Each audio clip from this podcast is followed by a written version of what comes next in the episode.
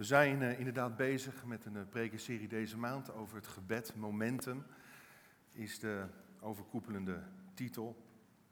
En uh, ik wil ook alvast de diensten aanbevelen voor november, december, ehm, straks bij de collecte, als, voor nee, de collecte, bij de uitgang. Dan ehm, kunt u zo'n kaartje meenemen. Misschien heeft u er alleen gehad. u heeft er alleen gehad. Nou, dat is prachtig. Uh, maar er staan ook een uh, overzicht op van alle diensten. Uh, volgende maand beginnen we met een nieuwe serie InstaFem. Ook in de nu kunt u lezen wat een beetje de bedoeling daarvan is. En dat we ook foto's nodig hebben um, die we kunnen gaan gebruiken als preekillustratie. dat zeg ik er wel bij. in ieder geval zal het ook gaan over het gezinsleven en hoe we omgaan met, met sociale media in het digitaal tijdperk en dat soort zaken. Die kaartjes kunt u ook gebruiken om weer andere mensen misschien uh, uit te nodigen voor een dienst en, en, mensen mee te nemen, zodat meer en meer mensen ook het woord van God mogen ontvangen. En geraakt, getrokken mogen worden door zijn liefde. Voordat ik begin ga ik een gebed uitspreken. Is dat goed? Ja, Heer, we hebben gezongen dat u onze Vader bent in de hemelen. En Heer, we willen zo graag meer van u ontvangen. U meer leren kennen. Want dat is het eeuwige leven als we u kennen.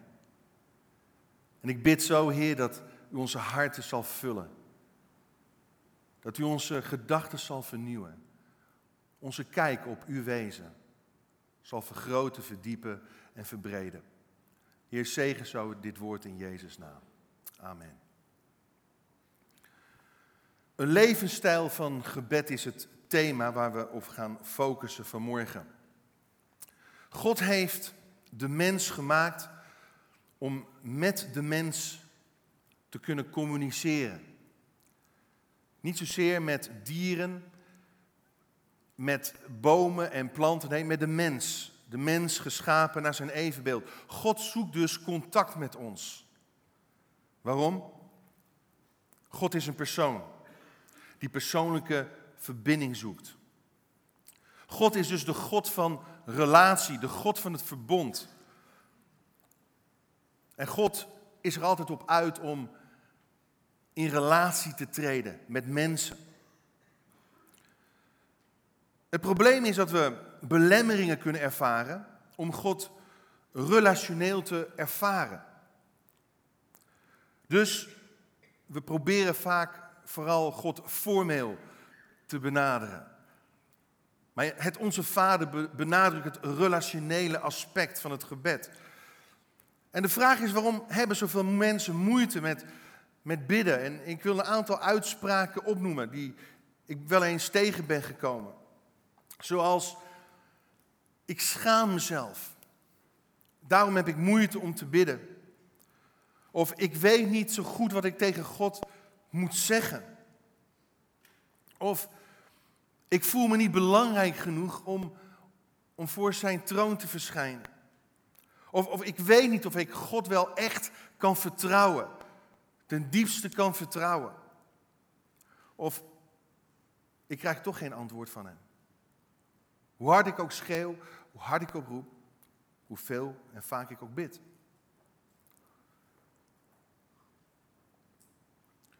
Iemand anders zei een keer, ach, God heeft toch geen tijd voor mij. Waarom zou ik bidden?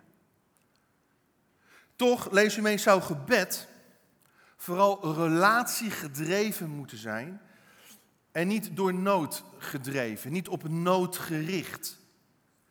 De noodfactor zou niet de dominante factor in ons gebed moeten zijn. Tuurlijk mag je bidden voor je noden, mag je bidden voor je verlangens.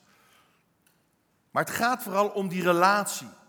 Waarom zou ik God vragen datgene wat Hij toch al weet? Omdat God relatie met ons wil. Omdat God verbinding met ons wil. Omdat God in contact wil zijn met ons. Waarom is dit zo belangrijk? Relatie gedreven zijn in het gebed. Omdat God wil spreken en verbinding met je zoekt. Of je nu problemen hebt of niet.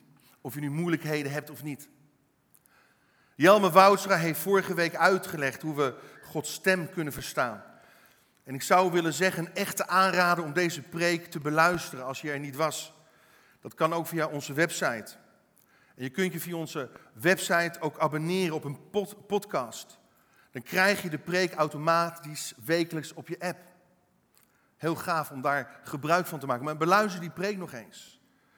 Hij heeft onder andere gezegd, zoals schapen vertrouwd zijn met de stem van de herder, zo kunnen ook wij gevoelig worden in het verstaan van Gods stem. Want God leeft en God spreekt. Toch worden we heel vaak afgeleid in ons leven en lijkt ons leven op een grote smartphone. Worden we vaak niet gek van al die meldingen en die pushberichtjes die, die hoorbaar en zichtbaar op onze schermen verschijnen. Voortdurend worden we afgeleid door allerlei pixels en prikkels. En zo wordt ook ons leven, ons dagelijks leven, gebombardeerd met, met allerlei verschillende meldingen, geluiden en berichtjes. Ping, pang, pong en ga zo maar door. Het berichtencentrum van ons leven wordt overspoeld met allerlei dingen en mensen die onze aandacht opeisen, onze aandacht vragen. Dus om Gods stem te verstaan, te leren verstaan, moeten we leren ook om bepaalde pushberichten uit te schakelen. En inschakelen op de berichtjes, de meldingen van de Heilige Geest, van de stem van God. Ook om een levensstijl van gebed te ontwikkelen, is het nodig om het heft in handen te nemen. Om besluiten te nemen. Paulus, hij zegt in 1 Thessalonicense 5 vers 16 het volgende, lees u mee. Hij zegt, wees altijd verheugd, bid onophoudelijk, dank God onder alle omstandigheden, niet voor, maar onder alle omstandigheden, want dat is wat hij van u, die één bent met Christus, Jezus, verlangt. Dat is wat hij verlangt, dat is wat hij wil. Dat is de wil van God, dat je dat doet. En ik onderstreep dus bid onophoudelijk, bid non-stop. Dus focus het berichtencentrum van je leven. Bid zonder ophouden is de opdracht aan de gemeente de Thessaloniki. In Griekenland was dat. Maar dat is ook voor ons van toepassing. Vandaag de dag, 2017. En Paulus geeft eigenlijk allerlei korte aansporing met betrekking tot relaties en geestelijk leven binnen de gemeente. Zoals erken hen die u leiding geven. Zoals leef in vrede met elkaar. Ondersteun de zwakken. Bemoedig de moedelozen. Blus de geest niet uit. Kleineer de profetische gaven niet. Beproef alle dingen, behoud het goede. Onthoud u van elke vorm van kwaad. Allemaal korte aansporingen, opwekkingen tot geestelijk leven. Maar wat er vanochtend uitspringt, is deze aansporing. Bid onophoudelijk. Bid altijd. Bid non-stop. En ik vraag me dan af, hoe is dat mogelijk? Bid non-stop, bid, onophoudelijk. Uh, stop je dan met leven? Stop je dan met werken? Hoe moet je dat doen? Stop je dan met al je activiteiten als je aanhoudend bidt? Wat bedoelt hij precies? Ik geloof dat hij het hierover heeft. Ontwikkel een levensstijl van gebed. Een levensstijl. Het betekent dat je alles wat je doet in gebed inkadert. Want gebed verbindt ons met de hemel, met het bovennatuurlijke. En God heeft het altijd zo bedoeld dat wij direct toegang zouden hebben tot zijn tegenwoordigheid. Dat wij in direct contact met Hem konden staan. En, en dat wij in die zin een bovennatuurlijk leven zouden leiden. Weet je, gebed is het middel om tot de hemel door te dringen en de hemel op aarde te brengen. U wil geschieden, zei Jezus, zoals in de hemel, zo ook op aarde. Dus gebed vormt het raakpunt tussen hemel en aarde. Gebed zet God in beweging.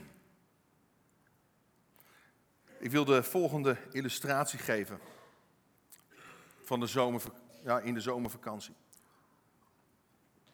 Ik had een, eh, een jaargesprek met twee taakgroepleiders, een pastor en een taakgroepleider eigenlijk, Jelmer en, en Eva.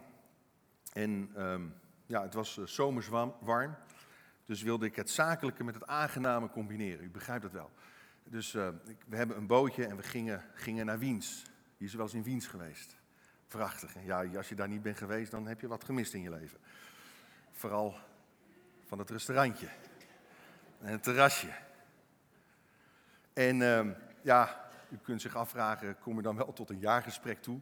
Ja, we waren al bezig in de boot aan het praten en ze hadden ook Joa mee. Uh, dus het was heel gezellig. Uh, hij was heel lief hoor. Um, op, op, een gegeven moment begon het wel wat te ruiken hier en daar, naar luchtjes. Maar uh, in ieder geval um, op de terugweg en eigenlijk al onderweg naar Wiens toe, hoorden we een raar vreemd geluid vanuit de motorkap komen. En, en u begrijpt dat Jelmer en ik ongelooflijk veel technisch inzicht hebben. En we probeerden de kap omhoog te krijgen en dat lukte niet zo goed. En, nou, we kwamen niet echt achter wat het was. Uh, maar op de terugreis nam het gekletter van ijzer toe. Dus ja, dat, volgens mij is dat niet goed, Jelmer. Wat denk jij? Nee, nee, dat, nee, nee, nee. En, en de poeplui werd ondertussen van Joa verschoond. De hemel betrok. Het werd al wat later. Uh, dus wat dacht u wat ik deed? Terug naar Wiens. We waren net, net, net, net van Wiens weg. Nee, ik gaf nog wat meer gas. Hè? En, en ja, doordat ik wat meer gas gaf, hoorden we op een gegeven moment helemaal niets meer. En uh, de boot maakte veel lawaai, maar we gingen niet vooruit en niet achteruit. We dobberden maar wat rond in cirkeltjes. Ik gaf gas, ik maakte lawaai, uh, maar we gingen niet voor en achteruit. Een beetje doelloos waren we wat aan het dobberen op de Dokkume E. En gelukkig was er een boot die ons weer terug naar Wien sleepte. En het werd op die manier een groot avontuur voor Joa. In ieder geval kwamen we eraan en, en een hele toestand, een heel verhaal. De boot die was dus kapot vanwege een, een kapotte keerkoppeling. Ik had nog nooit van een keerkoppeling gehoord, maar goed, dat is toch iets waarmee je ver, versnellingen maakt, geloof ik. En, uh, hè, dus als die keerkoppeling kapot is, dan kun je wel gas geven. Dan kun je wel aan die hendel rukken voor en achteruit, maar er gebeurt niets. Er is geen effect. Dat is zo frustrerend. En, en ik geloof dat het ook zo is met een grissen zonder gebed. Dat is als een motor met een kapotte keerkoppeling. Je maakt lawaai. Je probeert vooruit te komen, maar je, gaat niet, je, keur, je, je, je, je doet maar wat. Er gebeurt niks. Het is frustrerend. En lieve mensen, moreel gezien verkeert onze wereld in een geestelijke en morele droogte. Maar gebed opent de hemel. Zorgt voor goddelijk momentum in ons leven, voor herstel en gunst over ons land. Lees u mee wat er staat in 1 Kronieken hoofdstuk 7, vers 14. Daar zegt God, als mijn volk, dat alleen mij toebehoort, zich dan in gebed nederig tot mij wendt en zijn slechte praktijken laat varen, zal ik vanuit de hemel naar ze luisteren. Hun zonde vergeven en hun land herstellen. Ik zal voor hen een open oog hebben en aandachtig luisteren naar de gebeden die op deze plek tot mij worden gericht. Een heel belangrijk aspect van een levensstijl van gebed is verootmoediging. Het Hebreeuwse woord voor nederig of verootmoediging betekent letterlijk zich klein maken, bukken of buigen. De NBV-vertaling vertaalt het ook als buigen. Plaatsvervangend schuldbeleiden vormt een wezenlijk onderdeel hierin. Het ik maakt bijbels gezien altijd deel uit van het wij, van een grote geheel, van een grote verband, van een familie, van een volk, van een natie. Zelfs van meerdere generaties. Daarom is het zo belangrijk dat we ook plaatsvervangend schuldbeleiden in dat opzicht. Als Nehemia in ballingschap hoort dat zijn eigen volk en de stad Jeruzalem er belabberd aan toe zijn, dan is zijn reactie er een van huilen, van rouwen, van vasten en van schuldbeleiden. En dit gaat altijd vooraf aan herstel en opwekking. Hij neemt de verantwoordelijkheid op zich om schuld te beleiden. En hij smeekt God om genade. O grote en ontzagwekkende God, u die uw belofte houdt en uw goedheid toont aan wie u liefhebben, luister toch naar mijn gebed. En dan zegt hij dit, lees u mee. Zie toch dat ik nu dag en nacht tot u bid voor uw volk Israël. Ik beleid, ik beleid dat wij tegen u hebben gezondigd. Ik beleid. Hij was niet eens in Jeruzalem. Hij deed niet eens mee aan die wanpraktijken. Hij deed niet eens mee aan, aan de immoraliteit. Maar toch zegt hij, ik beleid dat wij tegen u hebben gezondigd. Niet zij, maar wij. Ook als hij niet direct medeplichtig is. Niet zelf actief heeft deelgenomen aan de zonden die toen gepleegd werden. Weet je waarom dit zo belangrijk is? Dit voorkomt dat we vervallen in een geest van veroordelen en een geest van kritiek. Dat we ons boven de ander verheffen in hoogmoed en in eigendunk. Weet, weet u waarom zoveel mensen oordelen en roddelen over andere mensen? Weet u waarom? Omdat ze zichzelf daardoor beter voelen dan de ander. Zich verheffen boven de ander. Maar plaatsvervangende verootmoediging, zoals hier, is de remedie tegen een geest van kritiek en veroordeling. Dus bid, Heer, vergeef ons voor de onreinheid in ons land. Voor de abortussen die plaatsvinden in ons land. Vergeef ons voor de mensensmokkel die er is. De drugscriminaliteit. De mishandeling van kinderen en vrouwen. Vergeef ons, Heer, zodat ons land kan herstellen. Weet je, gebed activeert je geestelijke zintuigen. Maar de vraag is, waaruit bestaat nu een levensstijl van gebed? Wat zijn de basisingrediënten? Laten we kijken naar drie P's. Allereerst de prioriteit van gebed. De prioriteit van gebed. In Daniel hoofdstuk 6 vers 10 lezen toen Daniel hoorde van het besluit dat op schrift gesteld was, ging hij naar zijn huis. In zijn bovenvertrek had hij in de richting van Jeruzalem open vensters. Zo mooi. Hij bad voor de stad van Sion, de stad van hoop, de stad van redding. Daar komt mijn hulp vandaan. En, en daar knielde hij neer, hij bad tot zijn God en prees hem, precies zoals drie maal per dag zijn gewoonte was. Daniel had dus een geestelijke discipline opgebouwd in zijn leven. Een gewoonte om drie maal per dag zich af te zonderen in gebed. Het was dus een prioriteit in zijn leven geworden. Wat is er gebeurd? Rijksbestuurders waren jaloers op Daniel. En ze wilden hem uit de, uit de weg ruimen. Daniel, hij onderscheidde zich namelijk van andere regeerders. Omdat hij briljant van geest was. Had veel talent, had veel meegekregen. Hij was trouw, hij was betrouwbaar. En de koning van, van Babylon wilde hem zelfs over het hele koninkrijk aanstellen. Dus er was jaloezie, er was rivaliteit, er was concurrentie. En ze konden hem eigenlijk alleen pakken op grond van zijn geloof. In Yahweh, de God van Israël. Dus iedereen die zich zou richten tot een god of een mens, in plaats van tot Darius, zou in de leeuwenkuil geworpen worden. Dat was, dat was eigenlijk het besluit, op schrift gesteld. En toen Daniel dit hoorde, ging hij meteen naar zijn huis om te bidden. Maar let op, hij bad tot zijn God precies zoals zijn gewoonte was. Precies zoals zijn. Kunt dat, als u wil, spreek dat eens met me mee. Precies zoals zijn gewoonte was. Nog één keer. Precies zoals zijn gewoonte was. Meestal gaan we eerst over tot actie en dan pas in gebed. Of we gaan pas bidden als we in de problemen terechtkomen. Maar Daniel had dus al gebeden voordat hij in de problemen kwam. Bid eerst Doe dan de rest. Prioriteit. De meeste mensen gebruiken het gebed namelijk als een 1-1 of 112 hulplijn. Een SOS-lijntje. Maar een levensstijl van gebed is een gebedsleven dat eerst om hulp en leiding vraagt, nog voordat er een probleem ontstaat. En niet andersom. Daardoor kun je onder alle omstandigheden toch de vreugde en de vrede van God ontvangen en ervaren. Dus gebed zou onze eerste reactie moeten zijn, niet onze laatste strohalm. Plaats het gebed als prioriteit in je agenda. Bij alles wat je doet, bid eerst. Maak een afspraak met God. Alles wat je daarna doet, krijgt dan namelijk een diepere, betekenis, een diepere dimensie.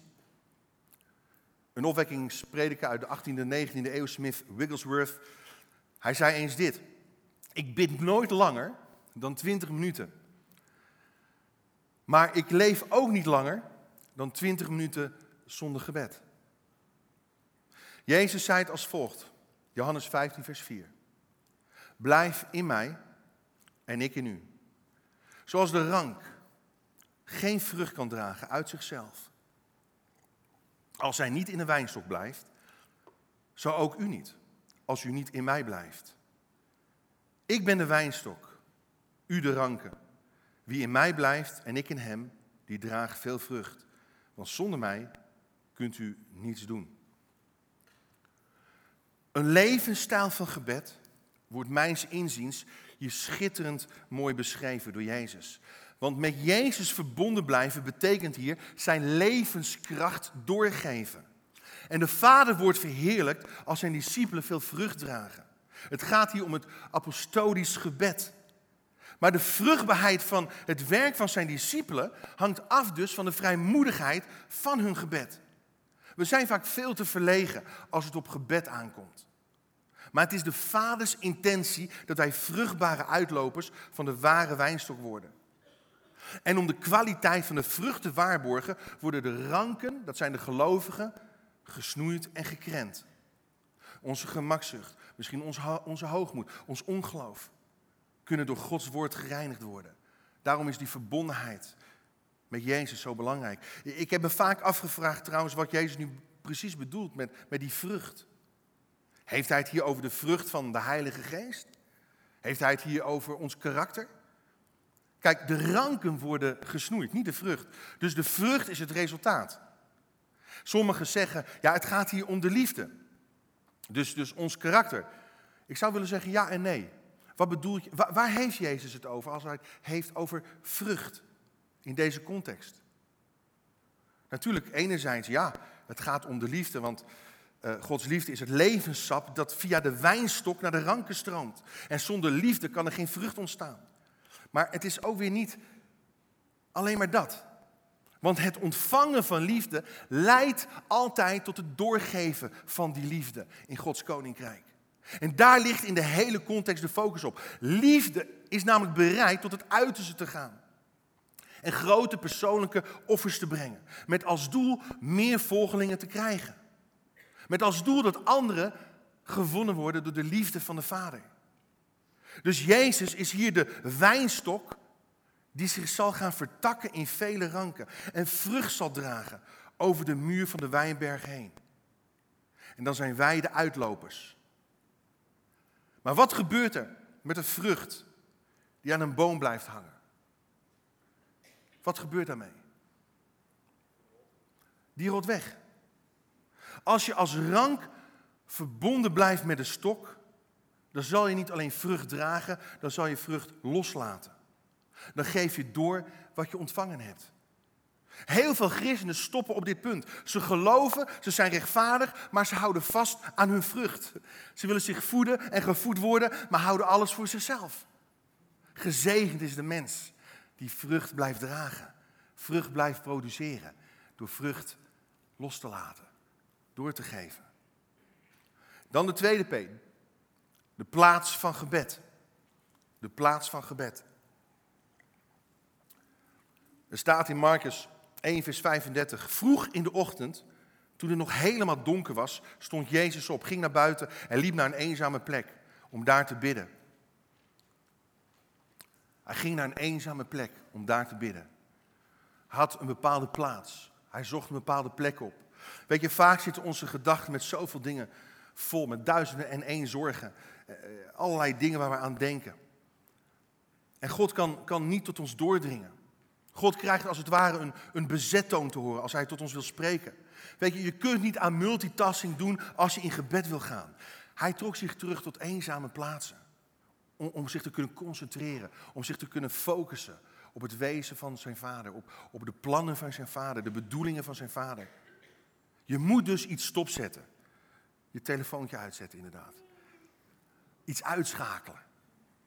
Weet je, tegenwoordig geef ik het advies: neem je virtuele plek in, je virtuele plek in. We leven steeds meer in een virtuele wereld, of het willen of niet. Dus voordat je je smartphone of je iPad pakt, s morgens vroeg, moet je de intentie hebben om eerst je Bijbel-app te openen. Waarom? Anders kom je aan Bijbellezen niet meer toe. Voordat je weet, begin je de dag namelijk met allemaal appjes te lezen, sms'jes te lezen, mailtjes te lezen. En dan zit je hoofd alweer vol met van alles en nog wat, wat er moet gebeuren, waar je je zorgen over kunt maken. Doe dat niet. De psalmist zegt dit in Psalm 1, vers 3. Gelukkig de mens die vreugde vindt in de woorden van de Heer. Ze steeds weer overdenkt, overdag en s'nachts. Hij is als een boom aan het water, een boom die altijd vrucht draagt, als het de tijd ervoor is. Als een boom waarvan nooit de bladeren verdoren. Dus zoek een plek waar je tot rust kunt komen. Een vaste plek om Gods woord te overdenken. En de een houdt, houdt enorm veel van stilte. De ander misschien van wat muziek op de achtergrond. De ander van de natuur. De ander van een donkere ruimte. De ander van uitzicht. Maakt niet uit. In mijn kantoor, thuis heb ik een, een fauteuil. Dat, dat is mijn vaste plek om te mediteren, om, om na te denken, om te lezen en te bidden. Heerlijk is dat. Heerlijk. Doe die schuifdeuren dicht, zonder ik me af. Heerlijk, in die fauteuil. Lekker relaxed, kopje koffie erbij, Bijbel-app erbij of een boek, maakt niet uit. Maar daar trek ik me geestelijk gezien in terug.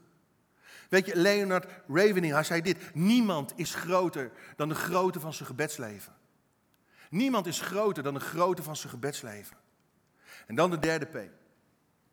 De personen. De personen tot wie we bidden. Dat is heel belangrijk. Ik denk dat, dat veel gelovigen uh, geen of, of weinig verdieping in hun gebedsleven ervaren, omdat ze de drie-eenheid niet betrekken in hun gebeden. Het klinkt misschien gek, maar ik, ik wil dat uitleggen. Ik zou willen zeggen, betrek alle personen van de drie-eenheid in je gebed. Ik ben ervan overtuigd dat je gebedsleven verrijkt wordt wanneer je zowel de Zoon als de Vader als de Heilige Geest gaat betrekken in je gebeden. Als je je gaat richten tot de drie-enige God in je levensstijl van gebed. Weet je, je benadert elke persoon binnen de drie-eenheid eigenlijk op een andere manier. God is één in wezen. Toch drie verschillende openbaringsvormen, drie verschillende functies. Kijk bijvoorbeeld naar de zon. Van binnen één bron van energie. Een en al kernexplosies vinden plaats binnen in de zon. Een bron van energie zoals de Vader is. En die energie straalt licht uit naar deze aarde, de zoon.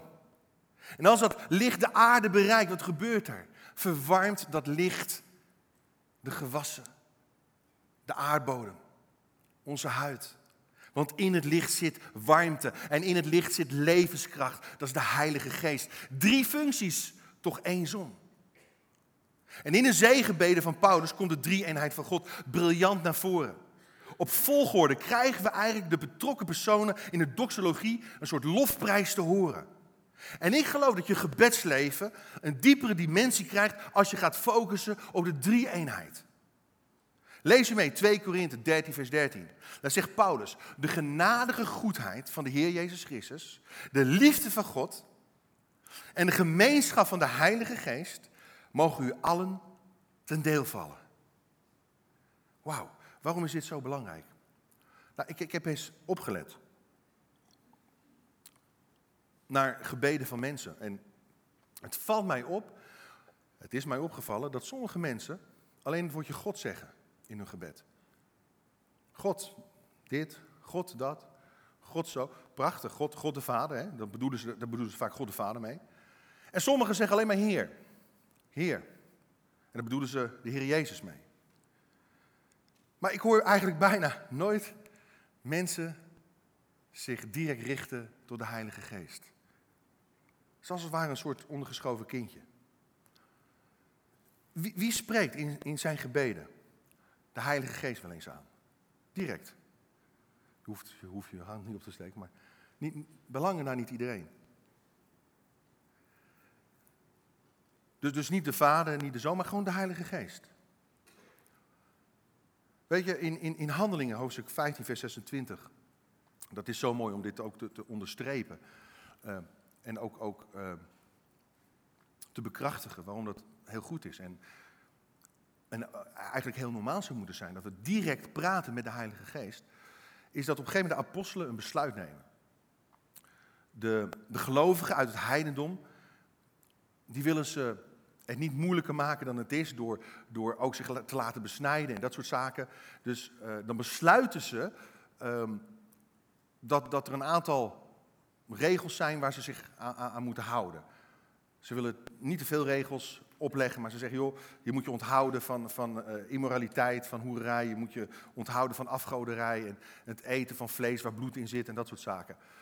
Maar, maar dan staat er vooraf, En de Heilige Geest en wij hebben besloten. En de Heilige Geest en, en wij zijn in overeenstemming gekomen. Dus ze hadden direct, directe communicatie met de Heilige Geest. Met de derde persoon binnen de drie-eenheid. Paulus zegt bijvoorbeeld in Efeze 3, vers 14, lees mee. Om deze reden buig ik mijn knieën voor de Vader van ons Heer Jezus Christus en wie elk geslacht in de hemel en op de aarde genoemd wordt, opdat hij u geeft naar de rijkdom van zijn heerlijkheid, met kracht gesterkt te worden door zijn geest in de innerlijke mens. Vader, Zoon en Geest zijn actief betrokken bij onze redding, bij onze verlossing en bij de uitwerking van dat nieuwe leven, die nieuwe schepping in Christus. Maar ze hebben wel eigenlijk verschillende functies, verschillende rollen. En opnieuw hier wordt zowel de vader als de zoon als de geest betrokken bij het gebed van Paulus voor de gemeente. Dus waarom doen wij dat niet vaker? Maar laten we eerst even inzoomen op, vult hem in, de buitengewone genade van Jezus onze Heer. De buitengewone genade. In je gebedsleven focus je, richt je op de buitengewone genade van onze Heer Jezus. Opnieuw even terug naar Johannes 15, vers 16. Dan zegt Jezus, niet jullie hebben mij uitgekozen. Nee, ik heb jullie uitgekozen. Ik heb jullie de taak gegeven om erop uit te gaan en vrucht te dragen. Vruchten die blijvend zijn. En wat je de Vader ook vraagt in mijn naam, hij zal je geven.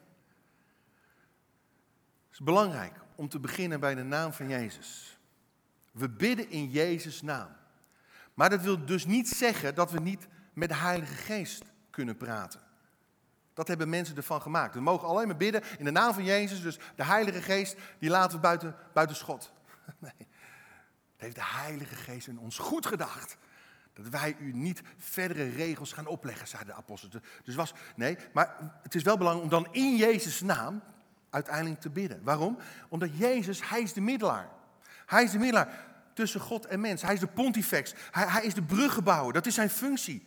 Met andere woorden, als wij bidden, dan zuivert Jezus onze gebeden. En hij brengt ze bij God. Want ik ben onzuiver, ik ben onvolmaakt. Maar als ik bid, dan zegt Jezus, oh fijn, geweldig, kom maar met je gebeden. Ik neem ze op, ik, leg ze in een schaal en ik presenteer ze voor God de Vader. Want ik pleit voor jullie. En ik ben jullie middelaar, ik ben jullie bruggenbouwer. Ik. Fantastisch. Hij zuivert mijn gebeden. Hij zuivert jouw gebeden. Daarom bidden we in zijn naam. Op grond van zijn autoriteit. Hij doet voorbeden voor ons. Hij verbindt ons namelijk met de Vader. Hij verzoent ons met de Vader. Bidden in Jezus' naam is dus een erkenning dat Jezus de enige toegang tot God is. De enige weg tot God. Dat is Jezus zelf. En dat is genadevol. We bidden op grond van zijn gezag. En we bidden in zijn naam. Omdat in zijn naam bidden betekent in overeenstemming met zijn karakter en zijn wil. Betekent. Daarom staat er, lees je mee, Hebreeën 4, vers 16. Laten wij dan met vrijmoedigheid, niet verlegen, niet angstig, vrij en moedig naderen tot de troon van de genade. Opdat wij barmhartigheid verkrijgen en de genade vinden om geholpen te worden op het juiste tijdstip. Kairos staat er in het Grieks. Kairos moment, het juiste moment, de geschikte moment. Wauw. Weet je, Jezus had 33 jaar op aarde nodig om alles te ervaren wat wij ook ervaren. zodat hij ten volle zijn genadige goedheid zou kunnen tonen. Want alle verleidingen en beproevingen en moeilijkheden en het lijden dat op ons kan afkomen, kwamen ten volle op hem af. Hij heeft geleden als geen ander. Daarom kan hij sympathie tonen als geen ander met ons. Paulus zegt, dankzij Christus hebben wij allen door één geest toegang tot de Vader.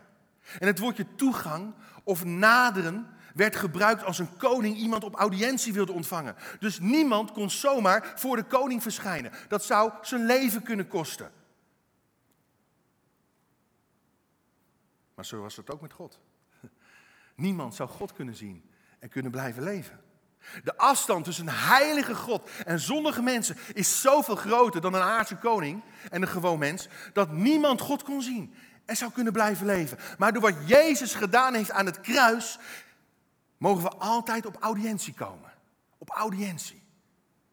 En niet alleen blijven leven, maar ook nog genade ontvangen. En leven en hulp en kracht op het juiste moment dat we het nodig hebben. Met, dat betekent met vrijmoedig voor Gods troon naderen. Op audiëntie komen. En dan, en dan vervolgens laten we kijken naar de onmetelijke grote liefde van God onze Vader. De onmetelijk grote liefde, vul me in, van God onze Vader. Opnieuw zegt, jij, zegt Paulus, om deze reden buig ik mijn knieën voor de Vader van onze Heer Jezus Christus. Naar wie elk geslacht in de hemel en op de aarde genoemd. Elk geslacht, elke generatie, elk volk, elke gemeenschap, elke familie. Met andere woorden, hij, hij is de bron waar alles van uitgaat.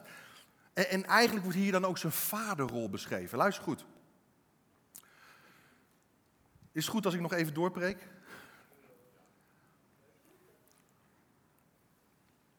Luister goed. Ehm, de vaderrol is heel belangrijk in, in, in de Joodse gedachte. De rol van de vader in de Joodse traditie bestond voornamelijk uit het zegenen van zijn kinderen. Daarom zeggen we vaak dat, dat vaders een priestelijke functie hebben in het gezin. Snapt u? En daarom wil God dat we hem ook aanroepen en leren kennen als liefhebbende en rechtvaardige goede vader. En het meest tragische wat een mens kan overkomen is een verwrongen vaderbeeld. Negatieve vaderervaringen op aarde verpesten of vergiftigen je ervaring met de hemelse vader. En God wil dat genezen in ons leven. Want we hebben er allemaal wel op de een of andere manier last van. Heel veel mensen hebben moeite om God vader te noemen, want dan krijgen ze gedachten of gevoelens van afwijzing. Of ze denken aan de pijn en de vernedering die ze hebben ondergaan door een vaderfiguur of een gezaghebbend figuur. Een mannelijk persoon misschien. En, en als ze proberen te bidden, vader, dan, ja, dan denken ze aan geweld. Of misschien wel vloeken of schelden. Maar je godsbeeld kan genezen. Zodat je ten volle en ten diepste van God de Vader kan genieten. De God die jou wil zegenen. En die geduldig blijft en trouw is. Lees u mee uit Psalm 103, vers 8. Liefdevol en, en genadig is de Heer. Hij blijft geduldig en groot is zijn trouw. Niet eindeloos blijft hij twisten. Niet eeuwig duurt zijn toorn. Hij straft ons niet naar onze zonde, gelukkig. Oeh. Hij straft mij niet naar mijn zonde. Hij, hij vergeldt ons niet naar onze schuld. Zoals, zoals de hoge hemel de aarde overspant, zo welft zich zijn trouw over wie hem vrezen. Zo ver als het oosten is van het westen, zo ver heeft hij onze zonde van ons verwijderd. Zo liefdevol als een vader is voor zijn kinderen, zo liefdevol is de Heer voor wie hem vrezen. Dat is, dat is mijn vaderbeeld. Dat is mijn vaderbeeld. Dat mag ook jouw vaderbeeld zijn van God de Vader. Betrek God de Zoon, God de Vader in je gebeden, maar ook God de Heilige Geest. Vult u me in. De intieme, troostvolle leiding van God de Heilige Geest.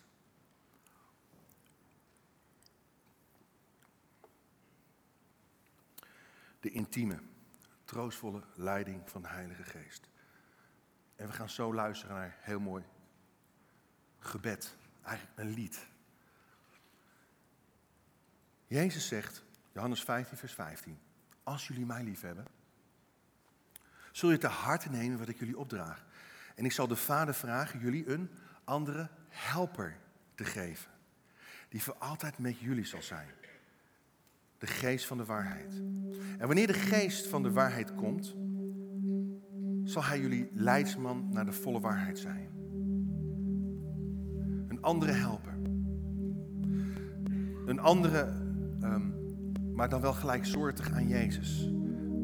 Van dezelfde kwaliteit, van dezelfde. Is eigenlijk wat er staat. En, en bij de zoon of de vader hebben we vaak een, een duidelijk beeld voor ogen. Dat kunnen we concreet maken in ons uh, voorstellingsvermogen. Maar bij de geest, de Heilige Geest, hebben we vaak een, een vaag beeld. Sommige mensen zijn ook bang voor de Heilige Geest. Weten niet zo goed hoe ze hem kunnen plaatsen. Veel mensen zien de Heilige Geest slechts als een kracht. Want gij zult kracht ontvangen wanneer de Heilige Geest over je komt. Maar de Heilige Geest is een persoon. Net zo goed als de Vader en de Zoon. Wat is nu de rol? Wat is nu de speciale functie van de persoon van de Heilige Geest in ons leven? Nu dan, de Heilige Geest is eigenlijk de afgezant van Jezus op aarde. Jezus is niet meer lichamelijk, lijfelijk aanwezig, want hij is door de hemelen gegaan. Heeft zich aan de rechterhand van God de Vader gezet. Heeft de Heilige Geest uitgestort, zodat de Heilige Geest in ons kon Dus de Heer Jezus, hij neemt onze gebeden, zuivert ze, brengt ze voor God de Vader. En de Heilige Geest gaat ze verder uitwerken.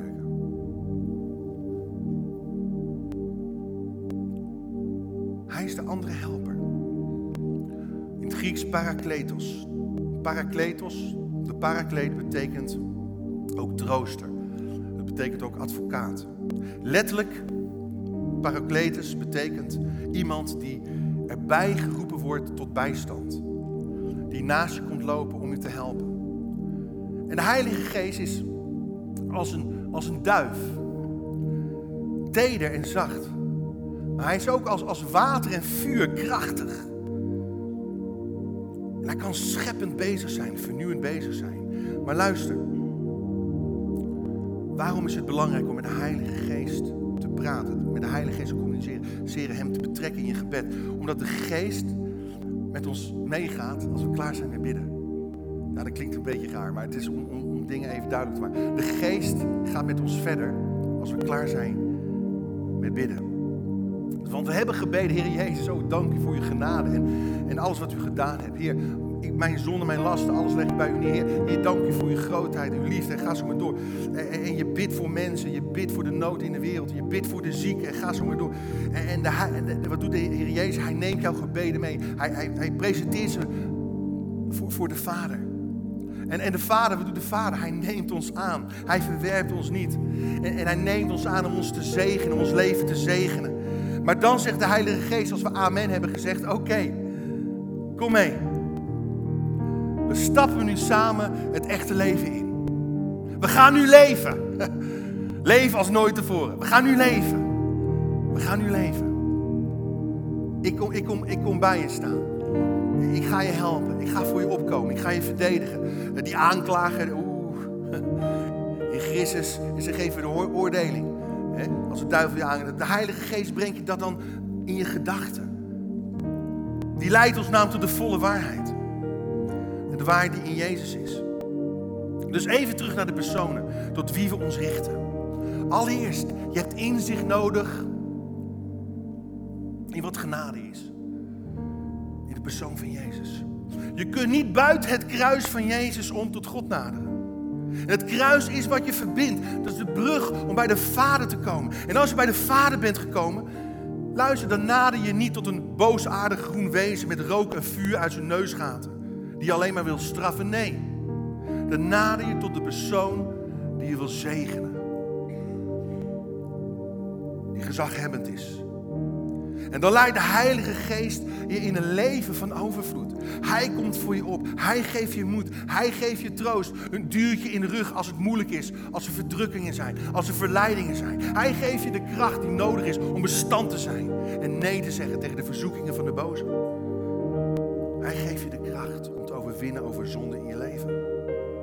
Daarom, Heilige Geest, geef mij die kracht. Heilige Geest, leid mij. Heilige Geest, geef me inzicht. Hij helpt ons om te bidden voor andere mensen. We gaan luisteren naar het lied My Prayer for You. My Prayer for You. Luister goed. May God give you eyes to see. He's still greater. Courage to rise and believe He's able. May God be your peace in the fire you're walking through. This is my prayer for you. May your eyes be ever on the Lord, your helper. May you find your refuge in the Lord, your shelter. May you find Him closer than a brother